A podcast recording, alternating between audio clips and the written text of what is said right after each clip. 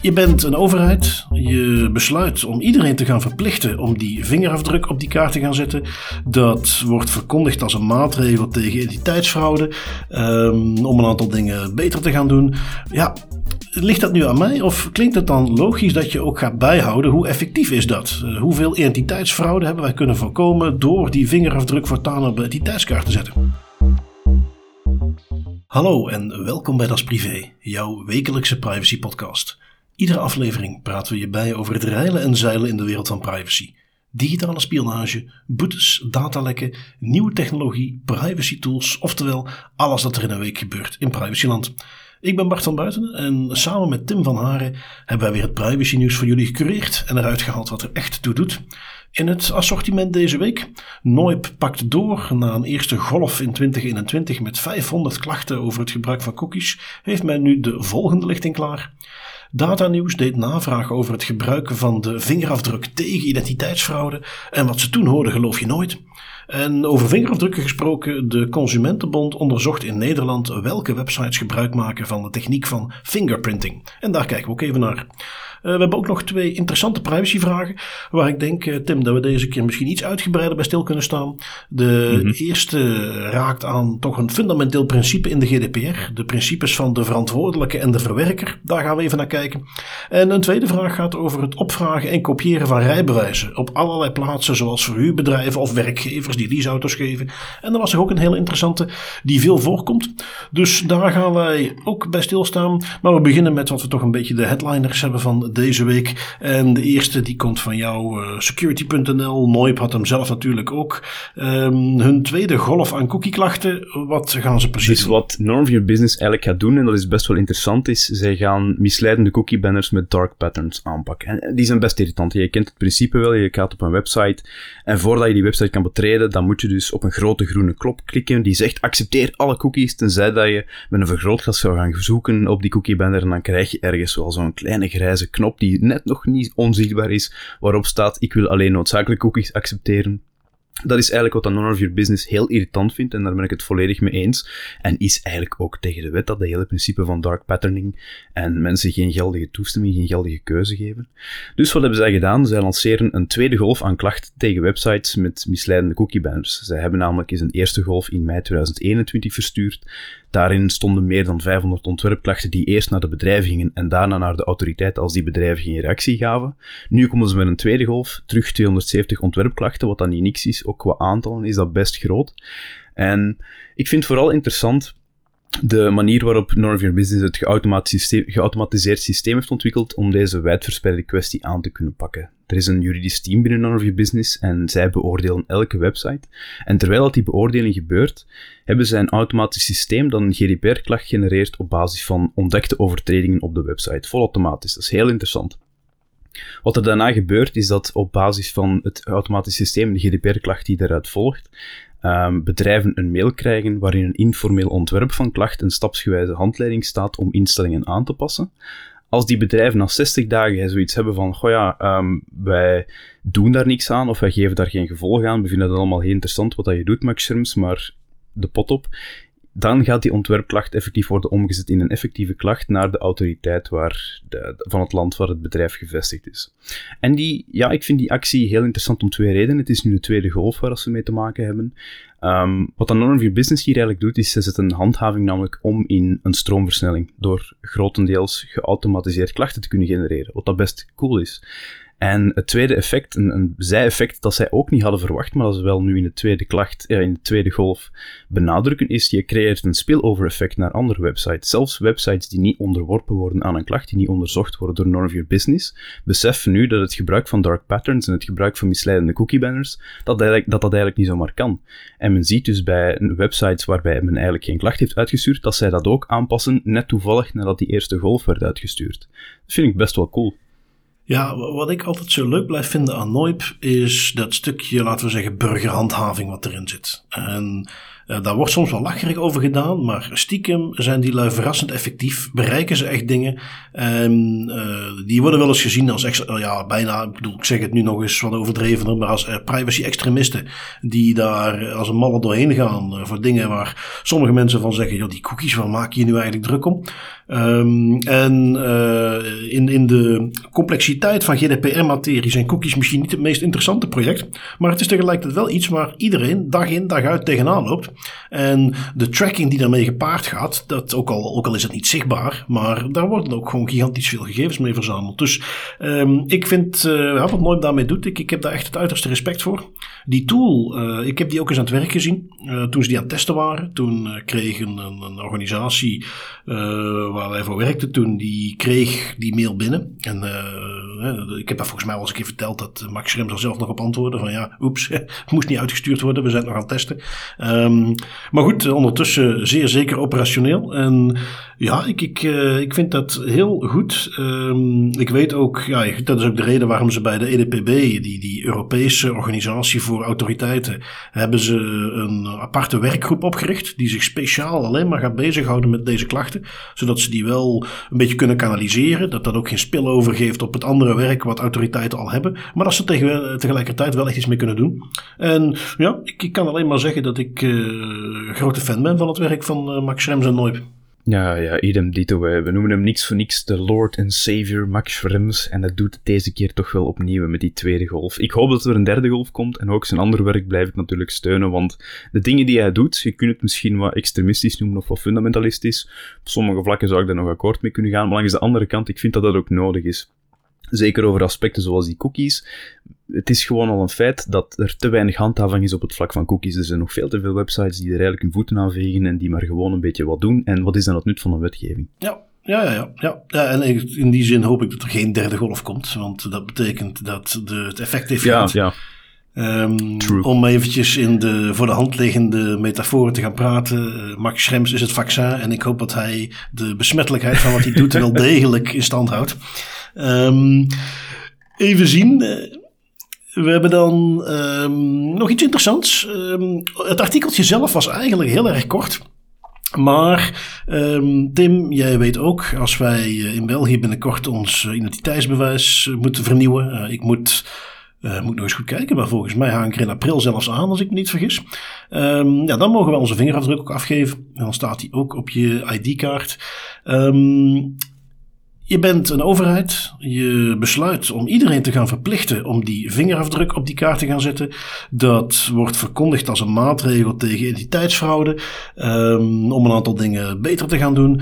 Ja, Ligt dat nu aan mij of klinkt het dan logisch dat je ook gaat bijhouden hoe effectief is dat? Uh, hoeveel identiteitsfraude hebben wij kunnen voorkomen door die vingerafdruk voortaan op de identiteitskaart te zetten? Dat, uh, dat zou je op zijn minst wel denken, dat men dan toch een, met een use case komt van kijk, we kunnen dit op die manier gaan gebruiken om dit bestaand probleem op te lossen. Maar ik, uh, ik vrees aan uw toon dat dat niet het geval is. Nee, inderdaad. Het, het, zal je niet al te zeer verrassen. Uh, maar uh, men is dus. Uh, de datanieuws is daar wat ingedoken. er zijn wat kamervragen gesteld. men heeft nagevraagd van. Goh, op welke manier heeft dit nu effect gehad? Uh, welke varianten van identiteitsfraude heeft dit uh, verholpen? Of, of heeft men uh, mensen kunnen identificeren? Data Nieuws heeft kennelijk zelf ook contact opgenomen met Binnenlandse Zaken om te vragen hoeveel gevallen dat dan zijn. daar verwees men dan weer door naar de federale politie. En de federale politie die zegt van ja, eigenlijk daar houden we helemaal geen cijfers van bij. We hebben geen benul. er worden wel criminaliteitscijfers bijgehouden rond identiteit. Die cijfers stijgen al tien jaar, maar die blijken niet relevant te zijn in deze materie, omdat ze veel breder gaan dan misbruik van identiteitskaarten. Um, en voor 2021, uh, eh, ondertussen toch echt wel vorig jaar, en al een paar maanden, zijn alleen maar cijfers van het eerste half jaar bekend. Um, en daar komt er dus gewoon op neer dat men een, een, maatregel heeft genomen die, laten we zeggen, toch controversieel is. Die een uh, ontegenzeggelijke inbreuk is op mensen hun privacy, maar waarvan men op geen enkele manier kan gaan onderbouwen of het überhaupt enige zin heeft nu het eenmaal is ingevoerd. Triest hè? Ja, dat, dat vind ik een, een dubbel bittere pil om te slikken. Het is inderdaad iets dat toch wel een stevige inbreuk is op de, de privacy van de mensen. En in sommige gevallen zou je inderdaad kunnen zeggen van oké, ja, dat is een inbreuk op de privacy van mensen, maar hier is een zeer goede reden om dat te gaan doen die zwaarder doorweegt dan de privacy van de mensen. Dat, dat kan, dat kan een heel goed argument zijn. Maar dat ze zelfs de moeite niet doen om dat te doen. En ik denk dat het een terugkerend thema zal zijn doorheen heel deze aflevering, maar instanties die gewoon zomaar dingen doen omdat het kan en niet met een geldige of grondige reden komen die onderbouwd is met cijfers waarom dat het een positieve impact zou hebben, dat is echt, uh, ja, ik vind dat heel triestig. Ja, absoluut. En ik, ik, bedenk me wel eens dat wij misschien een aflevering van 30 minuten zouden hebben als dat voortaan wel gebeurde. Uh, als men kon onderbouwen waarom die camera's nodig zijn. Als men kon onderbouwen waarom het CST nu eigenlijk nodig was. Uh, als men kon onderbouwen, zoals hier, waarom het nodig is om die vingerafdruk op kaart te zetten. Op het moment dus dat men van tevoren voor zoiets gebeurt, of zelfs nadien, in ieder geval gaat bijhouden waarom hebben we dit gedaan. Kijk eens, beste burger, we weten dat jullie dit controversieel vonden, maar wij hebben het beste met jullie voor Kijk eens, dit zijn de cijfers die het onderbouwen. Of wie weet dat we dat ooit gaan meemaken. Hier zijn de cijfers die laten zien. Oeps, our bad. Dit heeft eigenlijk geen enkel nut. We gaan ermee stoppen. Um, Iets wat we natuurlijk uh, veel te weinig zien. Um, nu goed, uh, kijk, op zich zit er voor de rest weinig vlees op het artikel. Maar uh, wel een, een, zeer terechte constatering vond ik van Data News. en iets waar ik dan toch van zou meegeven aan de regering. Als ze voor dit soort dingen nou wat meer draagvlak willen krijgen. Als ze nou wat meer willen kunnen onderbouwen waarom ze dit soort dingen doen. En niet gewoon in de modus van, ach burgertje, wij, wij hebben het beste met jullie voor. En, en luister nog maar gewoon. Maar dat gewoon is transparant, met cijfertjes kunnen onderbouwen. Dit is waarom we het doen. Um, nog even los van het feit dat hier ook al Europese wetgeving achter zit uh, die dit uh, vraagt. Maar dat in ieder geval eens kunnen uitleggen, dat zou toch wel heel erg fijn zijn. Um, nu goed, uh, over vingerafdrukken gesproken. Jij hebt iets meegenomen wat gaat over een, een uh, ja, digitalere variant van de vingerafdrukken. Fingerprinting technieken op het internet. Waar de Nederlandse Consumentenbond dan wel in kaart is gaan brengen van goh, hoe vaak gebeurt dit eigenlijk? Um, misschien iets waar jij wellicht ook wel de revue laat passeren. een beetje toelichten wat, wat is die fingerprinting en, en wat heeft de consument precies geconstateerd? jij hebt het bekeken, maar wat hebben ze kunnen vertellen? Wat fingerprinting eigenlijk inhoudt, is um, dat is een vorm van online tracking. En wat dat eigenlijk, je hebt verschillende vormen, verschillende technologieën die je kunnen tracken online als je websites bezoekt en dingen doet op het internet. Nu, fingerprinting uh, is een vorm van online tracking waarbij men eigenlijk de systeemconfiguraties en de verschillen tussen verschillende systeemconfiguraties in kaart gaat brengen om zo een unieke vingerafdruk van een bepaalde internetgebruiker te kunnen creëren kan dat doen aan de hand van hardware die, die je gebruikt, de software waar de, die op de hardware draait, hè, de browser add-ons die je gebruikt, instellingen in je browser die op de een of andere manier staan, de taalkeuzen en zo. Een paar voorbeelden daarvan in de praktijk zijn welke lettertypes aanwezig zijn op je device, de keuze van je browser, type scherm dat je gebruikt, de grootte van je scherm. Allemaal zaken die, als je die allemaal, die eigenlijk op zich als één klein datapunt niet zo heel veel moeten betekenen, maar als je die allemaal gaat samenbrengen in één grote pot, dan kunnen die wel eens gebruikt worden om een unieke vingerafdruk te maken van een bepaalde internetgebruiker. En dat is echt um, iets dat gebruikt wordt. Het, het, idee van fingerprinting, het idee van devices en gebruikers gaan fingerprinten om die dan vervolgens te volgen en wat dat die doen op het internet. En er is een uh, rapport gepubliceerd van de Nederlandse Consumentenbond over populaire Nederlandse websites die gebruik maken van die fingerprinting technologie om bezoekers te volgen. Uh, die ging op onderzoek met de Chrome-extensie Canvas Fingerprint Block, wat dan een Chrome add-on is waarmee dat je fingerprint technologie kan detecteren en blokkeren. en er zijn 100 populaire websites onderzocht. Ik denk de 100 populairste websites. Waaronder banken, nieuwsites, streamingdiensten en webwinkels in Nederland. 34%, dus 34 van die 100 websites, gebruiken fingerprinting. Dat is een enorme stijging als je dat vergelijkt met de steekproef die ze hebben uitgevoerd in 2018. Toen was het nog maar 12%. En het, het probleem dat ze eigenlijk willen aankaarten, en waarom dat ze dit ook in kaart hebben gebracht in hun rapport, is dat fingerprinting is net zoals het gebruik van cookies die u tracken eigenlijk enkel toegestaan na toestemming, maar van die 34 websites trekken 31 u al voordat je nog maar op de cookie-banner hebt kunnen klikken, voordat je ook nog maar toestemming zou kunnen geven, laat staan dat je die toestemming zou geven. Dus ze doen het sowieso. En Consumentenbond heeft dan gezegd van, ja, tja, dat is wel frappant, want het is eigenlijk tegen de wet, dat mag niet zomaar. Wij gaan dat dan ook vragen aan die websites. Zij zijn naar de websites gestapt, of de beheerders van de website hebben gevraagd van jongens, jullie gebruiken hier fingerprinting technologie zonder dat er toestemming wordt gevraagd. Dat kan toch niet zomaar? En wat die website daarop zeggen is, ja, we doen het eigenlijk als een soort van security feature om fraude te bestrijden of om scraping tegen te gaan. Allemaal mooie, mooie argumenten natuurlijk, maar ik zou veel liever zien dat ze gewoon eerst netjes zoals de wet het voorschrijft toestemming vragen voordat ze fingerprinting gaan gebruiken. Uh, en dit is naast cookies, wat dat eigenlijk ja, toch iets is dat vaak wordt besproken als het gaat over tracking op het internet. Fingerprinting is ook effectief een, een reëel gevaar voor je privacy. Zeker hoe unieker je configuratie, hoe gemakkelijker je bent om te volgen. Vind ik wel interessant dat uh, de Nederlandse Consumentenbond zich daar toch nog wel eens voor in zit voor een privacyvriendelijker internet. Ja, ja, absoluut, absoluut. Uh, ik, ik, moet wel zeggen, als ik dat lijstje bekijk, er is één naam die daar voor mij echt wel uitspringt. Die, ik, uh, mm -hmm. die mij heel erg verrast. Ja. Doe ze gok. Signal.org. Juist. Um, had ik niet verwacht. En ik ja, nou ja, het, zou natuurlijk kunnen dat. Uh, want wat ik wel verwacht, en dat is misschien. Ik weet niet in hoeverre dat naar buiten of, of naar voren kwam in het onderzoek. Um, ik verwacht dat heel veel van die websites die in het lijstje staan. dat die zich daar niet specifiek van bewust zijn. maar dat dat weer een onderdeeltje is van de tools en de integratie die ze zelf op de website hebben. Um, ik weet bijvoorbeeld dat Signal uh, gebruiken bepaalde bouwstenen van Google. Uh, zij hebben daar, voor zover mij bekend, dan weer de nodige maatregelen tegengenomen. Dat dat niet, uh, geen gegevens extra doorstuurt. Een beetje zoals Graphene, hè, dat, dat, dat operatingsysteem voor privacyphones, dat ook een beetje doet. Die zeggen wij ondersteunen wel bepaalde Google-diensten, maar wij zorgen dat die helemaal ingebouwd zitten, zodat ze niks kunnen doorsturen wat ze niet horen door te sturen. Um, en wie, wie, weet dat het platform wat Signal daarvoor gebruikt, dat dat, dat ook op die manier bepaalde fingerprinting toepast. Um, het is iets wat je natuurlijk ook wel ziet de klassieke context van wij willen bots tegenhouden. Wij doen dit voor DDoS-bescherming. Uh, zodat wij een paar dingen zien waaruit we kunnen opmaken. Dit gaat om mensen en niet om, om, om bots. Um, en dat onderscheid zou ik zeggen, dat mis ik dan misschien een beetje in, in dat onderzoek van de Consumentenbond. Uh, want ik denk, uh, als je het hebt over je moet die toestemming vragen, ja, tenzij het noodzakelijk is voor de werking van de website. En als jij het echt enkel en alleen zou gebruiken om de boel te beschermen, uh, DOS-aanvallen tegen te gaan. Uh, dat is iets wat tegenwoordig zo vaak voorkomt dat ik denk dat je best kunt onderbouwen dat dat gewoon een noodzakelijk onderdeel van de werking van de website is. Um, ja, daar, is, daar, daar is natuurlijk. Ja, en, daar zit hem een beetje het, het, de moeilijkheid om hier goed onderscheid in te maken natuurlijk. Want, uh, even voor de duidelijkheid, ik weet heel zeker dat van heel veel van die websites op die lijst, dat er daar een heel aantal die fingerprinting wel degelijk gebruiken om mensen te tracken. En wel degelijk gebruiken om mensen uniek te identificeren, uh, eventueel zonder cookies te plaatsen of uh, iets anders. Daar laat daar geen twijfel over bestaan.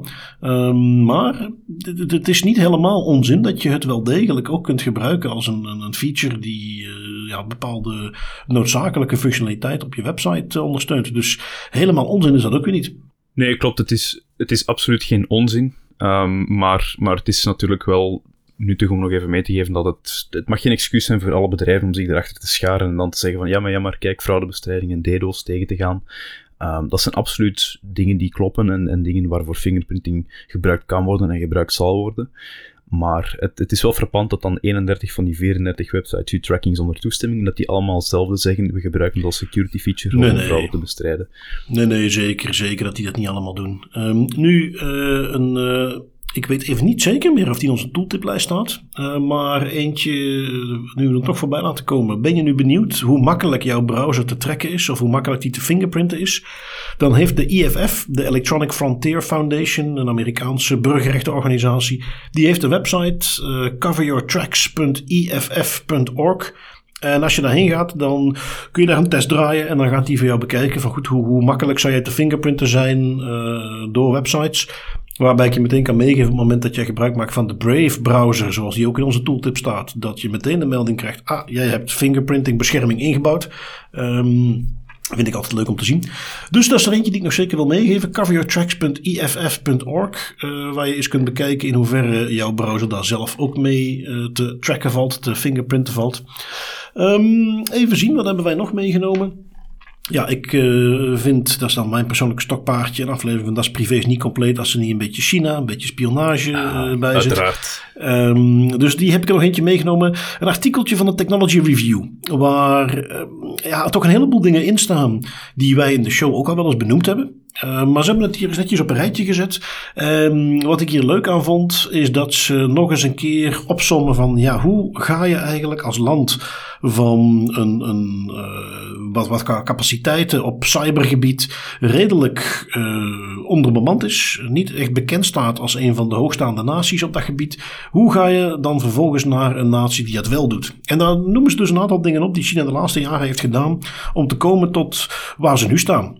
Met eenheden binnen de inlichtingendiensten die zeer gekend staan om hun geavanceerde hacks. Dit is er dan eens eentje waar het woordje geavanceerd zeer terecht is. De aanleiding voor het artikel was een recent gevonden malware die door uh, bijvoorbeeld ook de Amerikaanse inlichtingendiensten werd betiteld als de meest geavanceerde malware ooit. Uh, Daxin hebben ze die genoemd. Uh, het soort malware die zich ongemerkt op systemen kon plaatsen. Die uh, zelf leerde hoe die zich het beste kon verbergen. Die ging kijken naar wat voor datastromen zien we. En als wij data die we buiten hebben gemaakt door deze malware buiten het netwerk willen krijgen. Iets wat normaal gezien nu net hetgene is wat allerlei tools gaan detecteren. Dat er ineens data het systeem verlaat, het netwerk verlaat, wat niet kan.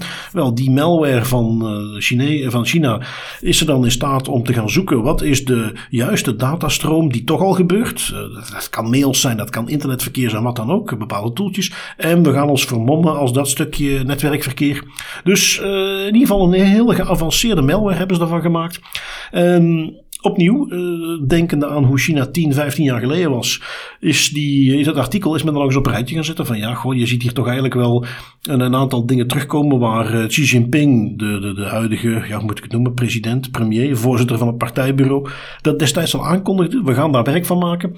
En hoe men daar uh, ja, de laatste tijd gewoon stappen in heeft gezet door bijvoorbeeld die hacking competities, waar in Amerika die heel bekend zijn, waar je ook geld kunt verdienen als je met kwetsbaarheden van software komt. Daar mogen Chinezen nu niet meer aan deelnemen. Ze moeten dat in de interne doen. Als jij uh, daarheen zou willen, kun je daar een speciale toelating voor krijgen die bijna niemand krijgt. Maar dan moet je wel eventjes al die kwetsbaarheden die jij daar gaat presenteren, moet je eerst aan de Chinese overheid doorgeven. Als jij bij makers van software een kwetsbaarheid wilt melden, moet je dat eerst aan de Chinese overheid doorgeven. Um, recent hebben we het gevolg gezien op het moment dat je dat niet doet. We hebben die Log4j kwetsbaarheid gehad, waar rond de kerst vorig jaar iedereen mee bezig was om zijn systemen te patchen. Um, dat was van Alibaba. Een, engineer heeft dat publiek gemaakt. Um, en zoals je misschien nog herinnert, we hebben het er ook kort over gehad in de show. Alibaba heeft vervolgens allerlei contracten met overheidsentiteiten verloren. Dus die zijn daar danig voor gestraft. Uh, want dat is niet de bedoeling. Uh, China wil dat graag allemaal voor zich houden en wil zich op die manier kunnen gaan profileren als een grootmacht in het cyberoorlog voeren. En ja, dat is ze dus duidelijk gelukt. Ze noemen in het artikeltje nog voorbeeldjes van in februari 2021. Um, hoe dat, ja, mensen die hebben een beetje herinneren zich wel dat er toen tienduizenden mailservers van Microsoft, Exchange servers, open en bloot stonden door die kwetsbaarheid. Daar ook actief gebruik van werd gemaakt. En wat zo'n gecoördineerde actie was kennelijk dat voor mensen die daar eerst naar gingen kijken, dat ze dachten van ja, dit zijn gewoon willekeurige aanvalletjes door verschillende organisaties. Die maar wat doen, maar hier zit geen coördinatie achter. Maar dat bleek dus eigenlijk diep in die chaos. Was het wel degelijk een volledig gecoördineerde actie met meerdere eenheden binnen de Chinese inlichtingendiensten. die allemaal tegelijkertijd daar misbruik van maakten. In mei 2021 hadden ze nog een VPN-tool, uh, eh, Pulse Secure, een hele grote provider, waar ze een kwetsbaarheid hadden gevonden. Dus lang verhaal kort. Heel interessant artikel als je daarin uh, geïnteresseerd bent.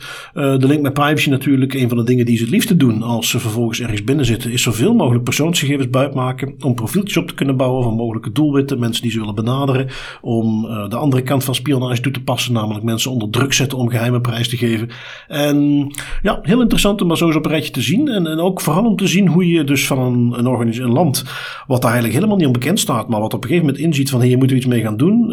bent getransformeerd naar een van de, de grootste machten op het gebied van uh, online oorlogvoering. Dat vond ik heel interessant om te zien. Ja, ik vind dat uh, in, het, in het verlengde daarvan gewoon in het algemeen zeer interessant om te zien hoe China eigenlijk op, in, in snel tempo bepaalde culturen of manieren van werken zo kan beïnvloeden dat die eigenlijk de, de, de staat, de overheid te goede komen. Hebben. Eén of twee weken terug hadden we het nog over um, dat zij daar eigenlijk misschien opzettelijk, misschien niet, een, een ontwikkelcultuur aan het ontwikkelen zijn, waarbij dat je eigenlijk applicaties en software gaat ontwikkelen waar opzettelijk dan vulnerabilities in zouden zitten. Nu dit, hè, je gaat eigenlijk een monopolie creëren voor de overheid, waarin al zero days langs de overheid passeren en die gewoon een gigantische bibliotheek kunnen opstapelen van kwetsbaarheden die ze in de toekomst kunnen misbruiken. Ik um, mocht zeggen van China wat dat je wilt, maar ik vind het altijd wel impressionant hoe dat ze het voor elkaar spelen om op zo'n korte tijd, een paar decennia, dat voor elkaar te krijgen. Dat, ik vind dat machtig. Ja, ja, ja, absoluut. En uh, ja, goed. Uh, kijk, je moet het zo zien. Uh, Nederland, als het gaat om, om hoe internationaal je bekend staat als, als hackland, hè, of, of jouw inlichtingendiensten en de afdeling die zich bezighouden met hacking, hoe die bekend staan. Nederland staat daar eigenlijk heel goed op. Uh, de AIVD is erom bekend dat ze hele effectieve acties hebben. Wel, België iets minder. Um, hier is een to-do-lijstje, een, een, een, een, lijstje met acties die we kunnen nemen om dat misschien toch nog voor elkaar te krijgen. Um, iets interessants misschien voor staatsveiligheid om te zeggen, laten we ons eigen hackprogramma eens even beter op de kaart zetten. Laten we het Chinese plan als een blueprint zien. Ja, ik vrees dat als we dat willen gaan doen in België, dat we dan toch ook nog enkele politieke aanpassingen gaan moeten doen om het zover te krijgen dat we een monopolie gaan creëren uh, op vlak van vulnerabilities. Misschien dat we dat niet helemaal ja. in België, wie weet. Het is, het is misschien iets lastiger om zoiets voor elkaar te krijgen als je zo'n stelsel zoals democratie hebt. Daar hebben ze natuurlijk in China aanzienlijk minder last van. Ja, um, toch, toch iets lastig zo'n democratie. Precies. Wat je dan wel kunt doen, is er misschien gewoon een berg geld tegenaan gooien. Jij hebt iets meegenomen van uh, nu.nl, uh, ook van de gemeente Vught kennelijk, maar niet geheel onbekend. Um, die budget vrij gaan maken voor wat dure tech. Um, wat zijn ze van plan? Ja, en als je budget wilt vrijmaken voor dure tech, of voor wat dan ook, in Nederland zeker, dan uh, moet je altijd de magic word zeggen, en dat is fraudebestrijding.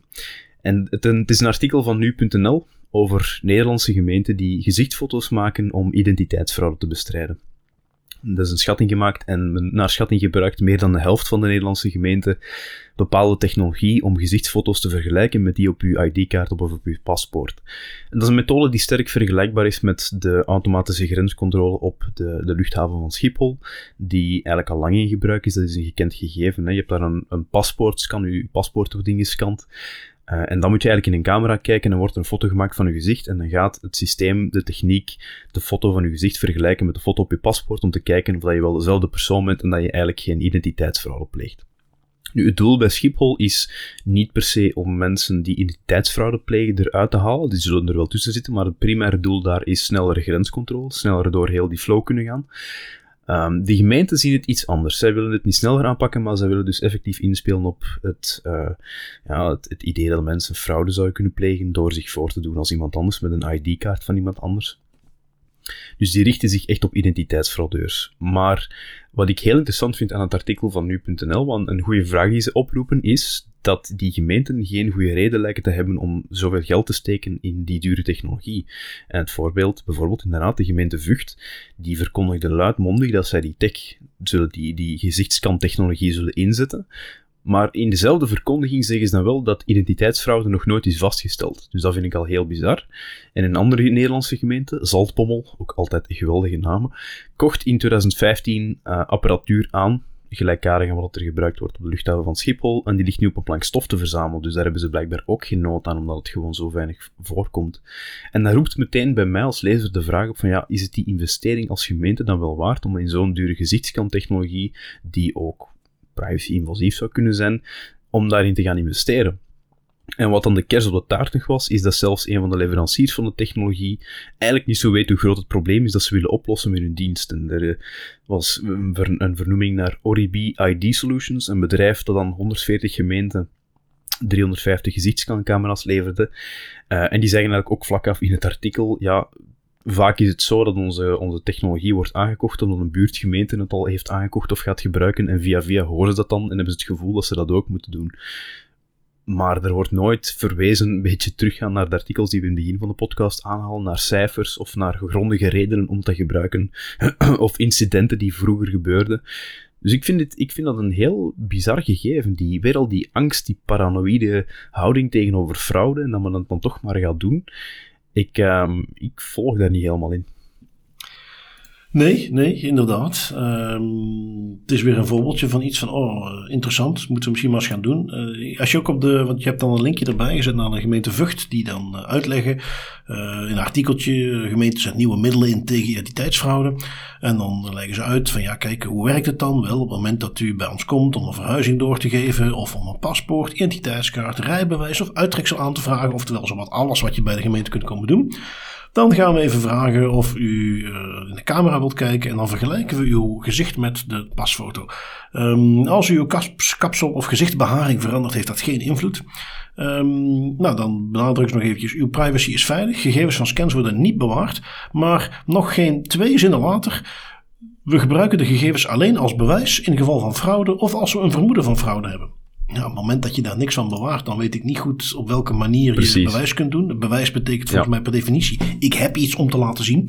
Um, misschien gewoon even ongelukkig geformuleerd, maar het is, het, is vreemd. En, en hier ook weer, als je dit dan doet, de, de, bijna precies hetzelfde als wat we, waar we het eerder over hadden met de vingerafdrukken. Beste gemeente Vught en al die andere gemeentes, laat dan gewoon even zien. Wel, wij als gemeente hebben de afgelopen jaren 100.000 euro schade geleden door fraude. Uh, want wij hebben iemand een uittreksel verschaft uh, van de burgerlijke stand, maar eigenlijk was dat helemaal niet die persoon. Uh, ja, kijk, hier groot risico. Wij hebben iemand een rijbewijs gegeven die eigenlijk niet die persoon was. Dingen waarbij je zou zeggen, ja, als die zoveel voorkomen, groot gelijk dat je er iets tegen gaat doen. En hoe moeilijk is het dan om als je zoiets gaat doen, om ook even te laten zien van kijk, dit is de schade die het is. En dat hoeft van mij part niet eens financieel te zijn. Als je maar ook kunt laten zien van ja, we hebben 50 gevallen gehad van uh, iemand die een, een rijbewijs heeft uh, gekregen, maar die helemaal niet de oorspronkelijke aanvrager was of wat dan ook. Ja, zo moeilijk kan dit toch niet zijn. En laten we ook niet vergeten, dit gaat hier wel om publiek geld. Het gaat hier om middelen, want uiteraard zijn onze toeltjes niet goedkoop, die daar wel uh, ingezet worden. En, en ook al heb ik geen benul van de echte kostprijs van die dingen. Maar goed, je hebt het niet over 5 of 10.000 euro voor zoiets. Dat, dat, daar mag je waarschijnlijk een nulletje achter zetten. En dat is toch iets wat wel tegenover uh, een bepaalde fraude moet staan dan. Nog even los uiteraard van het feit dat het weer de zoveelste inbreuk is. Dus ja, heel, heel apart dat men daar toch op die manier weer eh, naar kijkt. Ja, ik vind, ik vind het vooral bizar dat het enige argument dat men eigenlijk aanhaalt in het artikel is van de verkoper zelf dan nota bene. Um, dat het vaak zo is dat een gemeente het gewoon aankoopt om de andere gemeenten in de, in de omstreek doen. En ja, sorry, en zeker op vlak van een privacy technologie, dat is geen argument. Dat is, dat is een beetje belachelijk, zou ik zelf zeggen, om op die manier inderdaad met geld te gaan smijten. Want zo'n ding, allee, daar heeft, daar heeft R&D in gezeten, daar is hard aan gewerkt, daar komen updates van, daar moet een bedrijf ja. rondrunnen dat zal wel wat geld kosten. Ja, en, en je zou graag denken, ik heb dat ook, en, en dan word ik vaak beticht van naïviteit. Ik zou graag denken dat mensen die een gemeente besturen, die ervoor hebben gekozen om een ambt te bekleden, wat oorspronkelijk bedoeld is om de burger te dienen, dat die verder denken dan van, oh wacht eens even, maar de gemeente naast ons heeft dat ook, dan moeten wij dat ook hebben. Uh, dat het uh, iets meer is dan gewoon een plastraalwedstrijd van wie kan het verste, maar dat men effectief kan onderbouwen waarom doen we dit. En die ja, uh, leverancier Helemaal. van die tools geeft dus eigenlijk aan van, nou, voor ons kan het niks beters gebeuren dan de ene gemeente het doet, want dan gaan we bij de buren meteen nog langs kunnen gaan. Dat, je, denkt zo graag dat het niet daarvan afhangt, maar helaas hoor je dat soort dingen zo vaak dat je ook denkt van ja, waarschijnlijk is dat inderdaad gewoon de reden waarom het bij sommige gemeenten gebeurt. Um, het, het zij zo. Um, het brengt me bij een uh, artikeltje uh, wat ik heb meegenomen waar iets wat nu in ieder geval overal in de pers komt. Waar je het gevoel begint te krijgen van... hé, hey, dit is zo waar iets waar een overheid op het moment dat ze een privacy uh, invasieve maatregelen hebben genomen... Uh, die niet meer nodig is, dat ze die gaan terugdraaien. Ik heb het natuurlijk over waar we in heel Europa langzaamaan zien... dat die eh, green certificates, of zoals bij ons bekend staat het CST... het COVID-safe ticket, dat dat ingetrokken wordt, dat dat verdwijnt... Um, ik heb dan een artikeltje meegenomen wat daar uh, de groene.nl, uh, vaak de wat meer onderzoeksgerichte journalistiek, um, en waar men dan meerdere privacy bekenden heeft geïnterviewd, daar wat beeld van probeert te geven, en waar men uiteindelijk neerkomt op het idee van ja, maar de infrastructuur ligt er toch maar mooi. En, en, en dit gaat men nog vaker gebruiken. we, men blaast het nu wel af, maar het is er toch maar mooi geweest. Um, wat, uh, wat denk jij daarvan, Tim? Ja, ik, uh, ik vind dat op zich geen slecht idee. Ik vind dat zelfs een heel goed idee om te zeggen, we gaan het CST langzaamaan afschaffen, we gaan de drempel terug verlagen en we gaan ervoor zorgen dat mensen terug gewoon normaal hun leven kunnen oppakken. Uiteindelijk is het altijd een tijdelijk gegeven geweest. Hè. Het is iets waar men heeft gezegd, het is een noodoplossing, het is iets dat we nu in deze pandemie doen. Um, het enige en dat heb ik al een paar keer voorbij zien komen. Ik denk dat jij het straks ook nog wel zal aanhalen. Het enige wat je nu wil hebt, is het effect dat je hebt gecreëerd. Is dat mensen het gewoon zijn om, om terug meer informatie af te staan dan als ze daarvoor moesten doen. En dat is wel een effect dat wel nefast kan zijn. Ja, en, en, en eh, als ik het artikeltje wat verder doorlees, daar komt ook iemand voorbij die wij eh, ook in de Das Privé Discours hebben gehad. Jaap Henk Hoepman, een professor uit Nederland die heel veel met privacy bezig is. Die dus inderdaad ook aanhaalt van ja, maar we hebben het ondertussen wel normaal gemaakt dat uh, je als burger je gezondheidstoestand moet uh, laten zien. Uh, dat kunnen ze dan gaan uitbreiden. Uh, die geeft ook aan van ja, de infrastructuur van dat soort certificaten, de overheid die daar een database van beheert om die dingen wel of niet uh, groen of rood te maken. Um, het is toch een, dus de gemeente opnieuw. Een andere persoon die ze interviewde, een zekere Seda Gurses, die legt dan de link met de Twin Towers en hoe de inlichtingendienst toen ook nieuwe machten kregen en dat ze die uiteindelijk nog steeds hebben. En ik zal heel eerlijk zijn, hè? ik las het artikeltje door en ik dacht dit is toch een beetje azijnpisserij. Um, volgens mij zijn ze het hier te ver aan het zoeken. Die, die, en, en glad ijs begeef ik mij nu op, hè, als, als toch iemand die heel veel met privacy bezig is. Ik uh, ben zeker geen fan van uh, het COVID-safe-ticket, hoe het is uitgerold. Maar ik blijf er nog steeds van overtuigd dat dat vanuit incompetentie is gebeurd. Van een overheid die echt dacht dat ze daarmee nu eenmaal deden wat er nodig was om de burger te beschermen. En dat die zelf ook vragende partij zijn om het gewoon weer af te schaffen en af te voeren. En de enige reden waarom ze dat niet mordicus acuut doen, is omdat ze zich gewoon bewust blijven van de mogelijkheid dat er straks toch nog een nieuwe golf komt. En je het weer nodig gaat hebben. Opnieuw, uh, het is niet nodig, hè? daar zijn we het ondertussen eigenlijk al wel over eens. Maar goed, zij denken van wel, dus dan is het voorzichtigheid. Uh, en, en die ideeën die ze in het artikel aanhalen van ja, maar de infrastructuur ligt er nu toch allemaal mooi. Ja, die infrastructuur was er natuurlijk al lang. Het hele principe van uh, certificaten, van die kunnen intrekken, dat is echt niks nieuws. Dat is niet iets wat er nog niet bestond. Um, het ideetje met de Twin Towers, ja, dat, dat vind ik behoorlijk eh, ver gezocht. Um, ja, inderdaad, Amerikaanse inlichtingendiensten hebben toen allerlei machten gekregen die ze nog niet hadden en die zijn nooit meer weggegaan. Absoluut een probleem, maar daar zie ik de link met wat we nu hebben, zie ik niet. Um, mijn eigen ervaring met veel van de ontwikkelingen van die tools, ook met dat uh, Corona Alert appje, die zogenaamd een melding gaf als je bij iemand in de buurt was geweest. Um, ik heb het zelf nooit gebruikt, maar ik heb op meerdere plekken, zowel in Nederland als de Belgische ontwikkeling, gezien wie daarbij betrokken waren, hoe ze dat gedaan hebben. En daar zat echt dat principe van privacy by design wel degelijk inbegrepen. Dus ik, ik vond het eigenlijk, als ik heel eerlijk ben, vond ik het een beetje stemmingmakerij, dat artikel. Um, en ja, waarbij ik natuurlijk heel erg hoop dat ik niet het deksel keihard op mijn neus krijg. Op het moment dat dit over een jaar voor iets heel anders ingezet wordt. En men dus met z'n allen kan gaan roepen van zie je wel, we hebben het gezegd. Ik, um, ik denk dat we er hier uh, en, en dan spreek ik over België en Europa, dat we daar niet te veel schrik voor moeten hebben. Maar ik denk wel, daar ben ik oprecht van. En eigenlijk hebben we het ook al gezien, um, dat dit soort technologie en, en, en dit gegeven, het tracken van mensen en het tracking, dat dat wel misbruikt kan worden in, in andere contraien waar minder safeguards, waar minder maatregelen zijn ingebouwd om dat net tegen te gaan. Hè. We hebben het al een paar keer ja, ja. meegenomen, een aantal maanden terug, in Singapore bijvoorbeeld, ja, ja, waar men dat echt actief gebruikt en de politie daar gretig en watertandend op staat te wachten. Maar ik ga er wel inderdaad mee akkoord dat om hier die argumenten aan te halen, inderdaad bijvoorbeeld het idee van de Twin Towers en dan de nieuwe machten die inlichtingendiensten kregen, dat is nog altijd van een andere grootorde dan een COVID-safety kit. Dat, ja, dat, ja, ja. Je En- gaat wel op en- een bepaald doelpubliek af met die zinnen. Ook dat, dat idee dat ehm, mensen er nu eh, aan gewend zijn dat ze hun gezondheidstoestand moeten laten zien. Goed, het is strikt genomen zeker een, gezondheidsgegeven, ben ik wel of niet gevaccineerd. Maar daarnaast, Hmm. ehm, ja, als ik geval alleen maar voor mezelf spreek, ik heb nog nooit. Iedere keer als ik dat moet laten zien, bedenk ik mij, wat is dat toch een rot ding? Eh, wat zal ik blij zijn als we daar vanaf zijn? Ik ben er zeker niet aan gewend. Ik vind het zeker niet gewoon. En de seconde dat ik het niet hoef te doen, zal ik het ook nooit vrijwillig doen. Dus ik hoop dat de meeste burgers die reflex toch ook nog steeds hebben.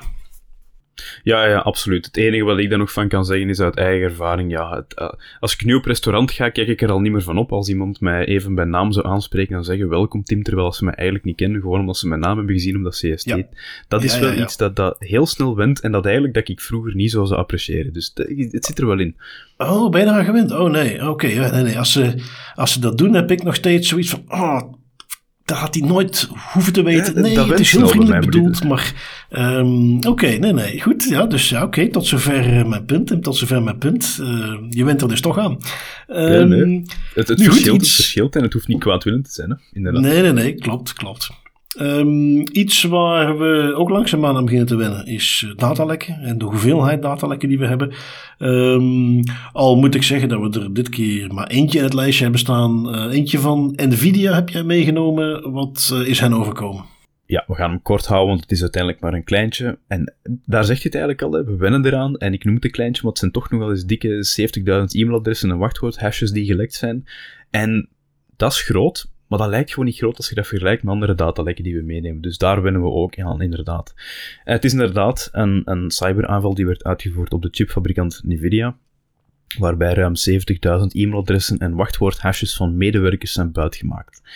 Uh, nu, die wachtwoorden die zijn gehashed, hè, wat dat wil zeggen, je, je hebt een, een, wachtwoord dat je invoert, maar in plaats van dat je dat wachtwoord gaat opslaan op een databank, en als die databank dan lekt, dan zijn alle wachtwoorden gewoon in cleartext zichtbaar. Ga je die door een hashing-algoritme halen, haal je hetzelfde wachtwoord door hetzelfde hashing-algoritme, dan komt daar dezelfde hash uit. Dus dan kan je gewoon de hash opslaan en dat vergelijken. Dat is veel gemakkelijker en veel veiliger.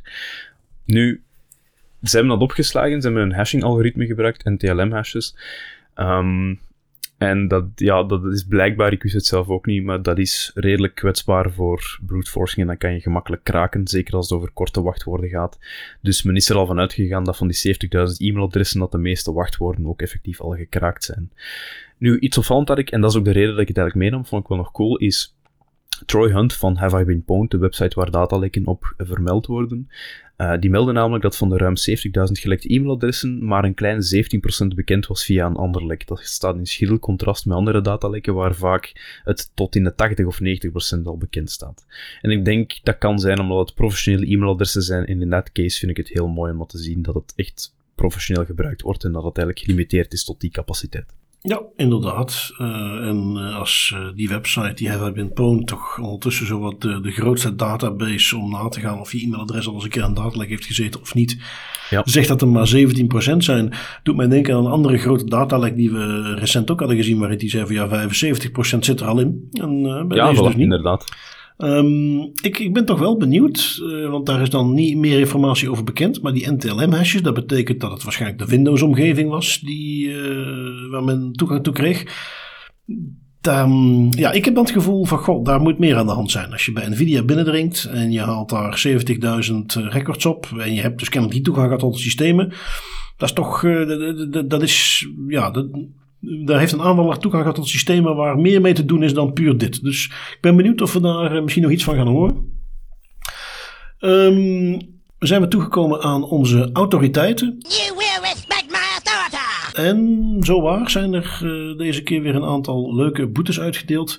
Um, ik heb er eentje meegenomen uit Duitsland. Um, stad Bremen of, de, sorry, de, de gegevensbeschermingsautoriteit van Bremen. Je weet, in Duitsland hebben we een federale uh, gegevensbeschermingsautoriteit die zich alleen maar mag bezighouden met federale overheden. En dan heb je vervolgens heb je per deelstaat heb je een eigen gegevensbeschermingsautoriteit die om de beurt eens een keer het nieuws halen. Wel, deze keer is het dus degene uit Bremen. Um, toch wel een uh, flinke. Uh, het gaat om een, een soort woningbouwvereniging, met andere woorden, een, een, door de overheid gerunde, in dit geval de stad Bremen, um, organisatie, soms ook gewoon een bedrijf, die zich bezighoudt met woningbouw, uh, sociale verhuur, huisvesting. Uh, en men is erachter gekomen dat 9500 kandidaat-huurders zonder wettelijke basis, dus zonder dat ze vanuit de, de Breebouw heten ze, de woningbouwcorporatie, konden onderbouwen waarom mogen we dit eigenlijk doen.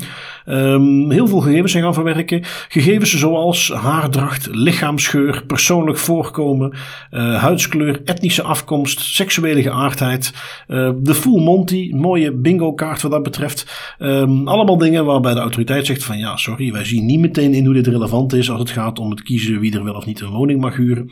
Um, de boete die men oplegt is 1,9 miljoen euro, dus dat is uh, echt wel een hele flinke. Uh, want, zegt men, ja, het gaat hier om hele gevoelige gegevens. Uh, we hebben gezien dat jullie op zich nog wel je best hebt gedaan om, om, mee te werken. er zijn ook twee hooggeplaatste ambtenaren die ontslagen zijn in de nasleep van deze affaire. Um, maar we zien het als een gigantische schending van grondrechten van de mensen die in deze database zaten. Um, dus ja, goed, 1,9 miljoen boete. een hele flinke. Ja, een hele flinke en volledig terecht ook. En dat, dat blijft toch wel iets als je kijkt naar de categorie van persoonsgegevens dat daar verwerkt worden. Misschien is het een beetje beroepsgedeformeerdheid, maar dat er daar niemand is van, van, dat, van dat bedrijf dat even zegt van jongens, zijn we niet even te veel gegevens aan het verwerken voor iemand die eigenlijk gewoon uh, zaken verhuurt, locaties verhuurt. Dat is, dat is maf. Ja, en, en het soort gegevens, hè, ja, heeft te lang haar, uh, stinkt een beetje naar zweet en ziet er niet verzorgd uit. Ja, die moet ze maar geen woning geven. Precies, dat is zo frappant dat daar niemand gewoon even gezond boerenverstand gebruikt. Want daar komt het vaak gewoon op neer. Ja, nee, absoluut. Um, wat hebben we nog meegenomen? Jij hebt er eentje uh, waar natuurlijk iemand, uh, een partij is die niet mag ontbreken. En het gaat over Vinted en Bikini Pics. Ben benieuwd. Ja, een hele interessante en inderdaad geen das privé zonder IPD. De IPD die heeft namelijk een, een particulier, een toch wel in perspectief van een particulier een hoge boete gegeven van 6000 euro voor het posten van de gestolen bikinifoto's. Nu, wat was er gebeurd? Er was een vrouw en die had foto's van zichzelf in bikini, standfoto's, op uh, tweedehandsplatform Vinted gepost om die bikini te verkopen. En iemand, geen idee wie natuurlijk, die ja, zei, hm, oké, leuke foto's. Die kan ik misschien ook wel gebruiken voor mijn website, voor, voor eigen gebruik. Ik ga die van Vinted halen en ik ga die op mijn eigen website posten. Die vrouw die kwam die foto's tegen, diende klacht in bij de AIPD. Van kijk jongens, ik zet die foto's op Vinted enkel en alleen met het doel om mijn bikini te kunnen verkopen. En ik zie mijn foto's plotseling op een andere website terechtkomen. Dat kan niet zomaar de bedoeling zijn. En natuurlijk, de IPD ging daar uiteraard in mee en heeft dus een boete van 6000 euro opgelegd. En dat is iets dat ik niet genoeg kan blijven herhalen, want dat is nog altijd een misvatting die ik veel te vaak hoor naar mijn eigen zin. Je kunt niet zomaar gegevens gaan hergebruiken voor een volledig ander doeleinde en onder een volledig andere rechtsgrond. Ook niet als ze publiek staan. Het is niet omdat je iets publiek zet dat dat daarom zomaar voor eender wat gebruikt mag worden. Dat is een van de vele redenen waarom dat uh, Clearview bijvoorbeeld zo'n lastig gegeven is. Ja, absoluut. Uh, om daar dan toch eventjes, uh, zonder daarbij victim blaming te willen doen. De wet is nu allemaal wat die is, maar toch even een das privé, das beter. Heb je de behoefte om wat voor reden dan ook om gevoelige foto's van jezelf online te zetten of door te sturen? Zorg dan in ieder geval dat je gezicht er niet op staat. Um, ja opnieuw, neemt niks weg dat die foto's, zelfs al stond er gezicht er niet op.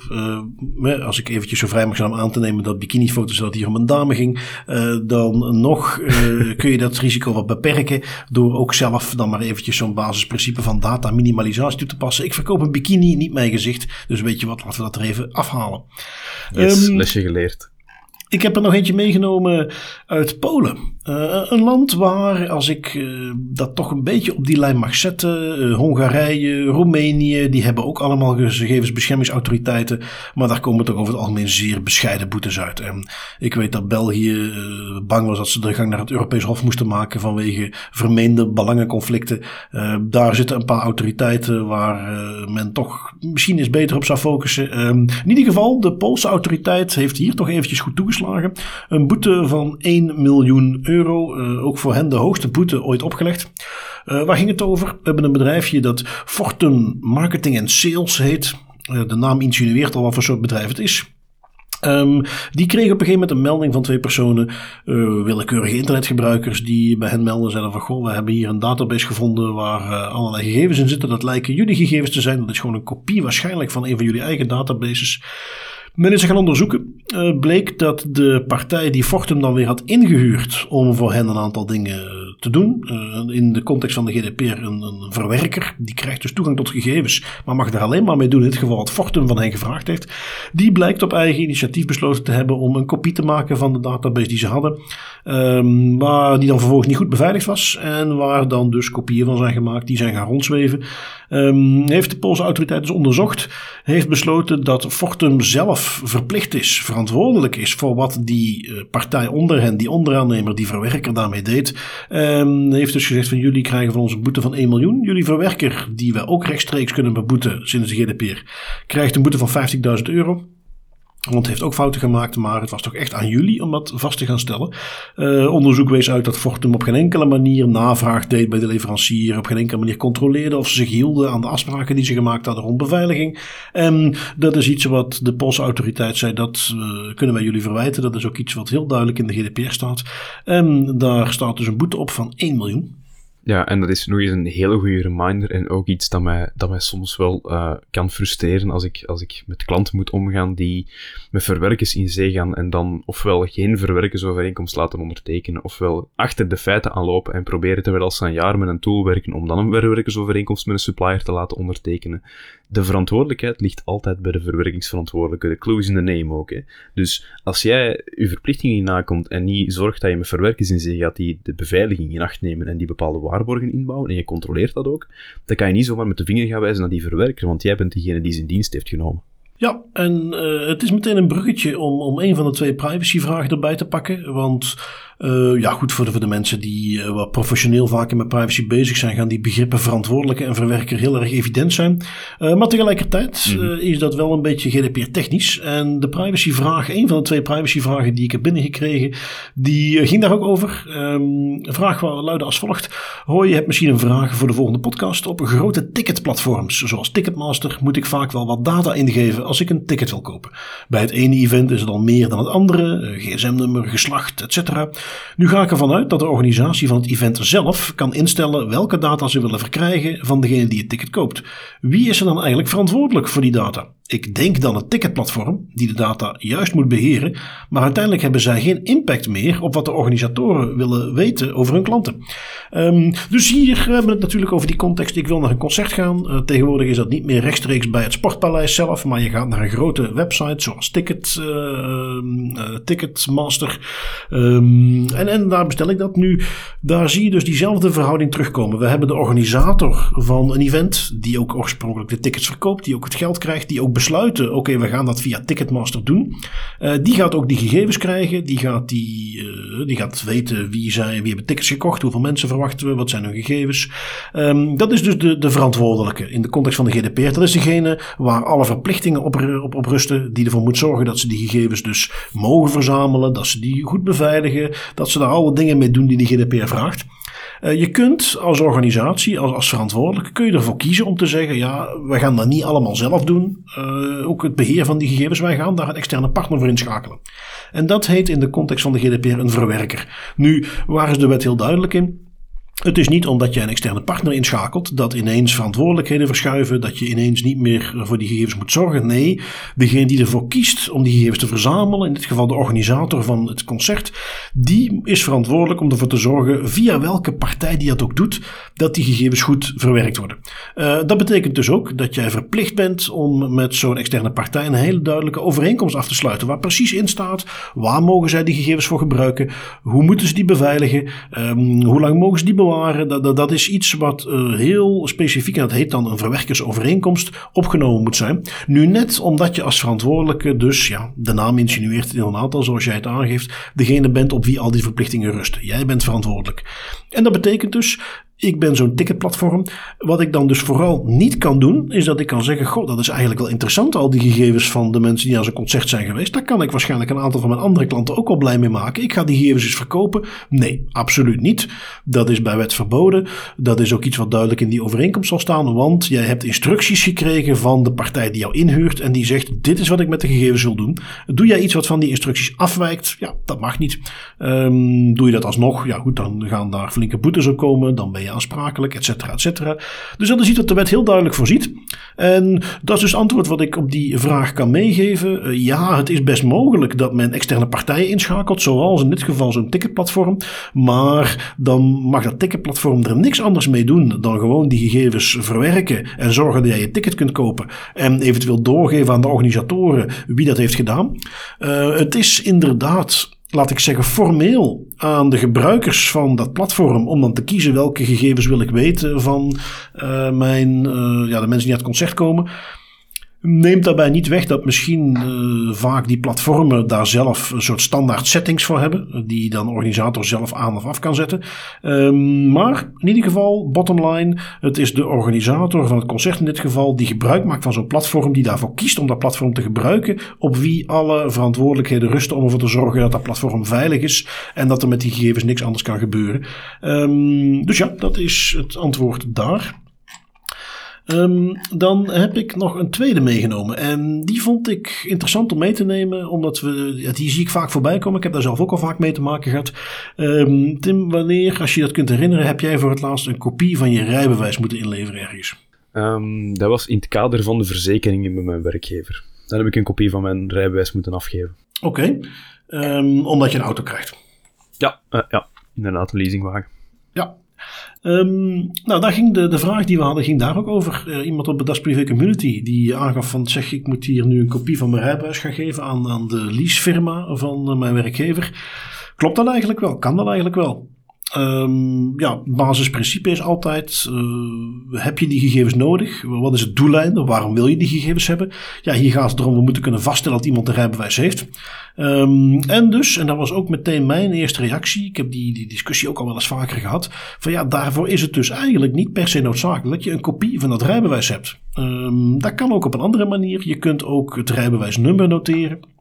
Nu, wat ik heel interessant vond, toen bemoeide Dries Patijn zich ermee. Dat is de facto een beetje de huisjurist van Das Privé. Um, die, als het wat meer juridische thema's zijn, daar graag eventjes zijn kennis tentoonspreidt. En die hier dus hele interessante dingen kon vertellen. En wat, wat zei hij? Van ja, wacht even, je moet wel weten, hier speelt een aspect van strafrechtelijke aansprakelijkheid. Waar komt dat vandaan?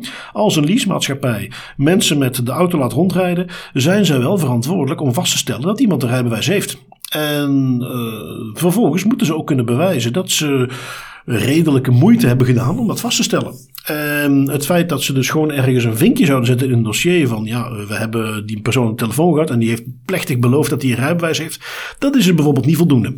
Um, wat is de praktijk dan? En heeft er ook wat, wat referenties meegegeven naar jurisprudentie. Heel interessant. Maar het komt er dus in feite op neer dat dat dus echt wel een bepaalde plicht is uh, om na te gaan of iemand over een rijbewijs beschikt. Iedereen aan wie een auto meegeeft aan iemand anders, die moet dat uh, vaststellen. Overigens dus ook als jij je auto aan een vriend meegeeft en die uh, krijgt vervolgens een ongeluk of zou iemand aanrijden. strikt genomen was het jouw plicht om vast te stellen, heeft die persoon eigenlijk wel een rijbewijs? Dat vond ik toch een hele interessante, wist ik ook niet. Um, nu, waar ging het dan om? Van ja, hoe ver moet je dus gaan als partij die zo'n auto meegeeft, als dus bijvoorbeeld een leasemaatschappij, om vast te stellen of iemand wel of niet een rijbewijs heeft? En ja, daar is, eh, daar is geen één standpunt in. En je ziet dat, het, waar kiest men dan dus voor? Wel, de makkelijke optie, we nemen gewoon kopieën van die rijbewijzen. En dan hebben wij altijd kunnen laten zien, we kijken, we hebben dat toen vastgesteld.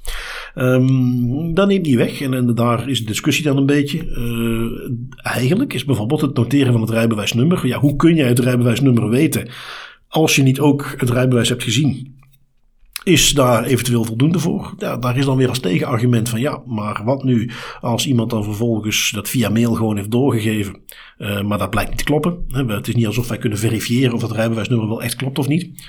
Um, wat dan vervolgens ja, is een kopie dan hetgene wat je ervoor kunt doen? Ja, daar zijn natuurlijk ook veel wegen omheen. Uh, want wie zegt dat op het moment dat ik dan een kopie heb verstrekt, dat ik een paar maanden later, als ik al ongeluk heb omdat ik dronken achter het stuur zat, dat ik nog steeds wel een geldig rijbewijs had.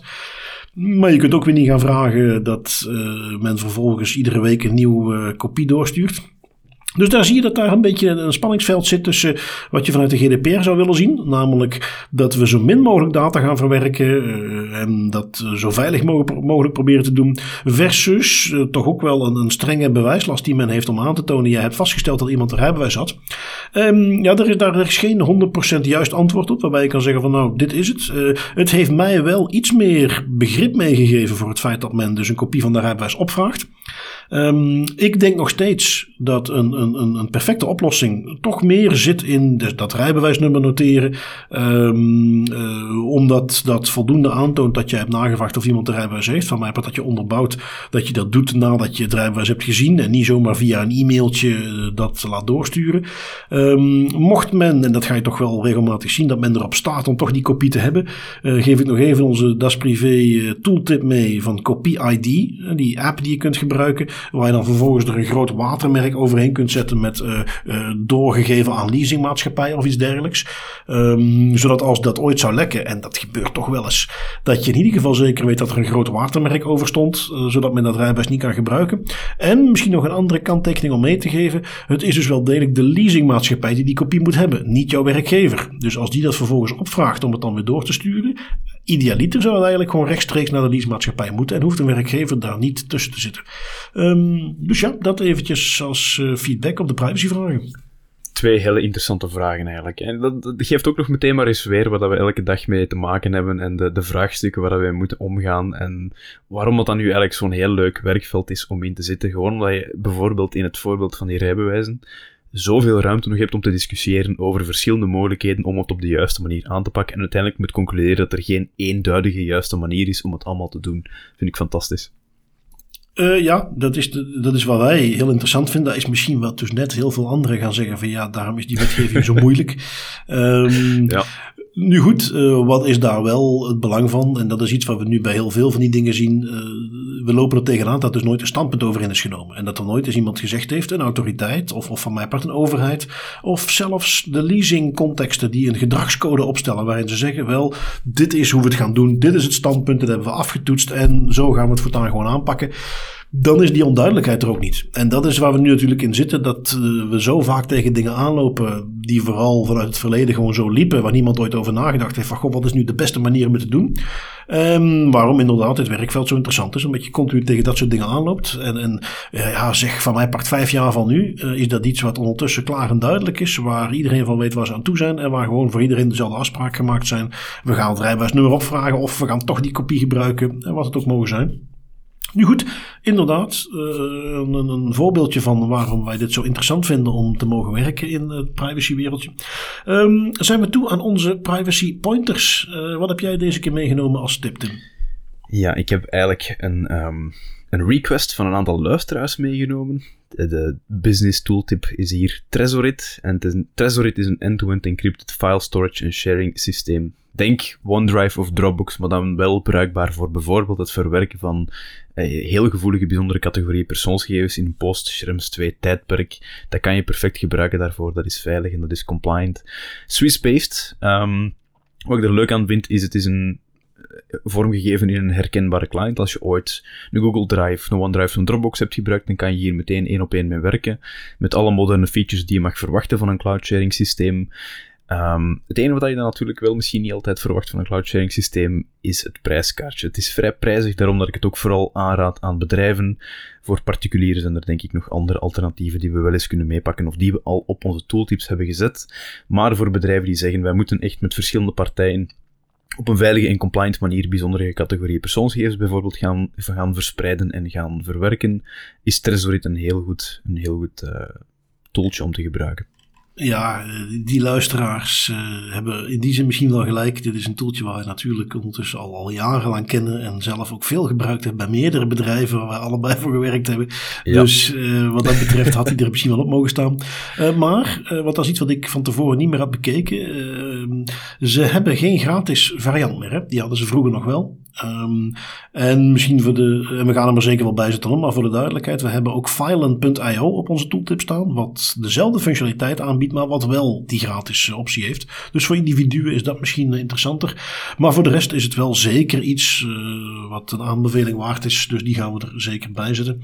Um, ik heb ook een tooltipje meegenomen. Het is wat, wat formeler. Uh, het is iets wat zeker niet iedereen iets mee kan. Uh, individuen wellicht niet, al er zijn er voor dat soort dingen ook altijd lessen uit te leren. Maar wat in de context van uh, toch een beetje crisis in Europa wel, wat ik wel nuttig vond om die mee te geven. Dus misschien iets wat meer voor organisaties is, zelfs wat grotere misschien. Maar de NCSC, het Nationaal Centrum voor Cybersecurity in Nederland, heeft een aanbeveling uitgebracht die rond crisiscommunicatie. waarbij ze dus zeggen, op het moment dat het echt fout gaat, wel, dit is een handleiding die jou gaat helpen. Hoe moet je dat organiseren qua communicatie, qua management? Um, het is iets, jij en ik hebben er allebei al meegemaakt. Organisaties die voor het eerst geconfronteerd worden met een incident hebben dat vaak niet van tevoren voorbereid.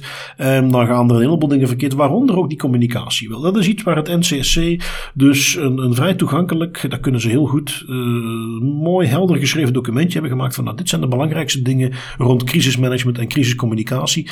Um, die geef mm -hmm. ik als privacy pointer mee. Ja, een hele leuke en een heel nuttige, denk ik.